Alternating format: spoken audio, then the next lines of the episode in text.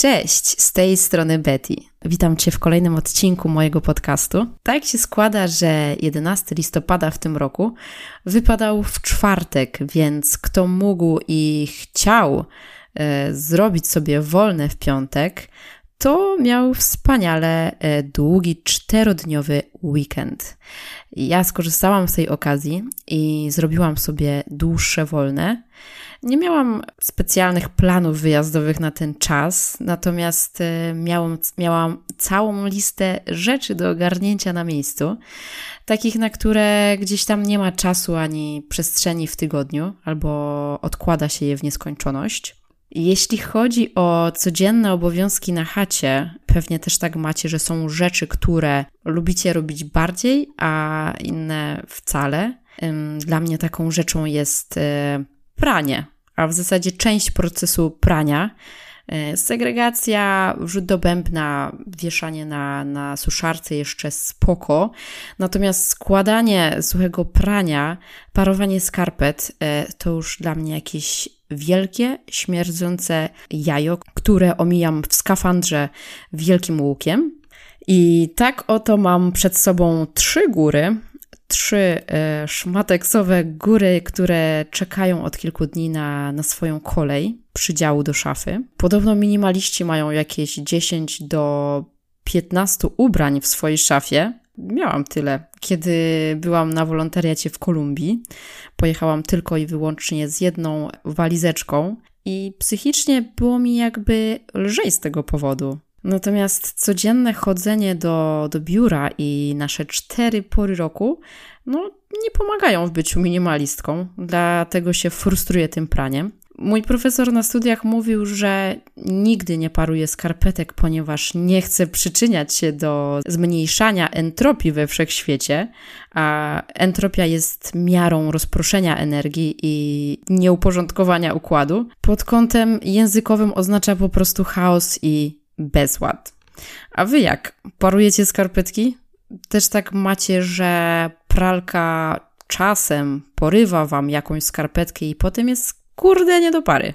Kiedyś miałam taki worek z pojedynczymi skarpetkami, które czekały w skarpetkowym czyśćcu na, na odnalezienie drugiej skarpetkowej połowy. No i niektóre z nich zostały po jakimś czasie sparowane. Mm, niektóre były używane w sytuacjach emergency, natomiast większość z nich po kilku latach oczekiwania trafiała po prostu na hasiok. Para skarpet z napisem e, Merry Christmas to jest dla mnie takie skarpetkowe pogotowie. Założenie ich, zwłaszcza na przykład w maju, sygnalizuje o tym, że trzeba uzupełnić zbiornik. Generalnie w ten długi weekend miałam milion drobnych planów. A że sobie ugotuję jedzenie na cały tydzień, a że posprzątam, poprasuję.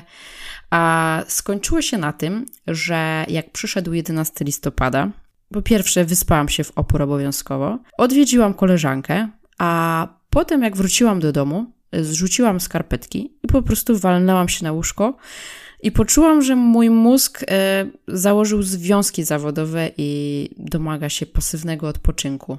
Gdzieś usłyszałam taką opinię, że lenistwo i nuda, która z tego wynika, jest buntem mózgu wobec pewnego rodzaju przeładowania.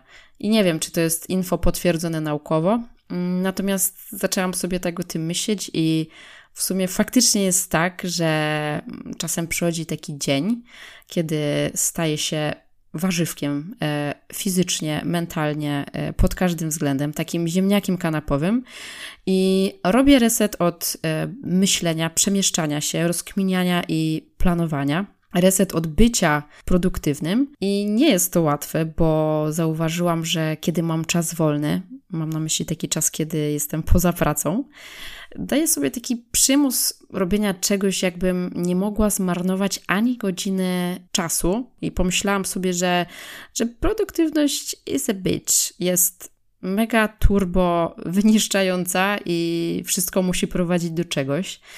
I złapałam się na tym, że bardzo często wszystko, co robię, muszę robić podwójnie albo potrójnie. Kiedy, nie wiem, na przykład sprzątam, słucham podcastów, kiedy gotuję, to jeszcze sprzątam, słucham podcastów, trzy rzeczy naraz. Dlatego ostatnio w sumie mam problem z czytaniem książek, bo kiedy czytam książkę, y, mogę robić tylko to. Jakby czytanie w pociągu jest uzasadnione, ale w domu jakoś ciężko się zatrzymać i trzeba robić coś i coś. Całe szczęście, że, że nie mam pod prysznicem wodoodpornego głośnika i mogę się zająć tylko kąpielą. I zauważyłam też, że im więcej czasu siedzę na telefonie, to jestem bardziej rozproszona i jakby gubię fokus. Zastanawiam się, jak się musi czuć mój przebodźcowany mózg, kiedy cały czas jest gdzieś tam stymulowany i, i na wysokich obrotach.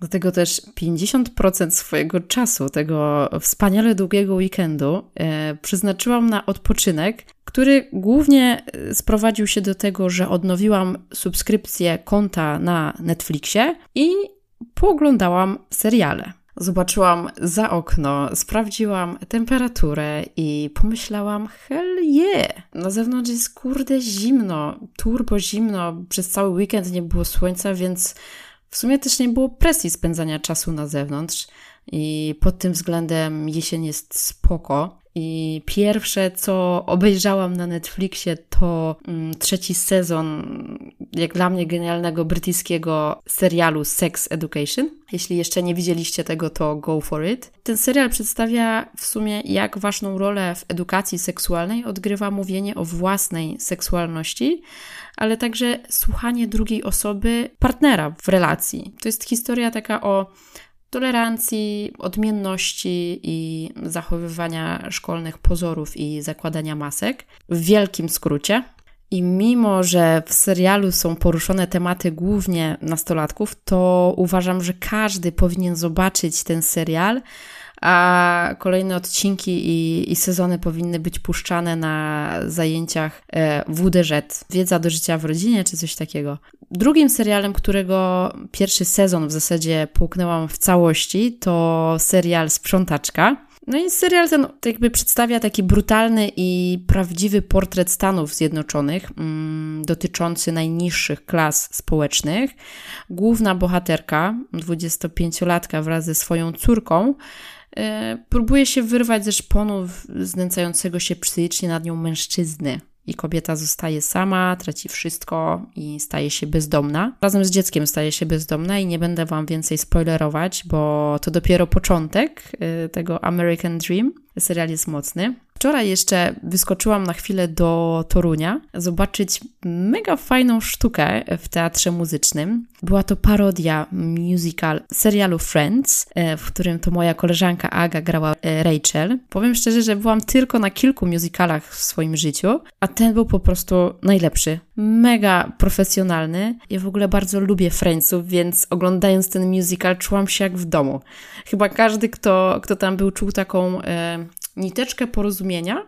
Kto lubi Friendsów, kto jest fanem Friendsów, ten, ten wie o czym mówię. Tymczasem dzięki, że zostaliście ze mną do samego końca tego odcinka. Jakbyście mieli jakieś dobre seriale do polecenia, to dajcie znaka i napiszcie do mnie na przykład na Insta. A teraz życzę Wam dużo kołderkowo, skarpetkowego, ciepełka i fajnego dnia. Do usłyszenia.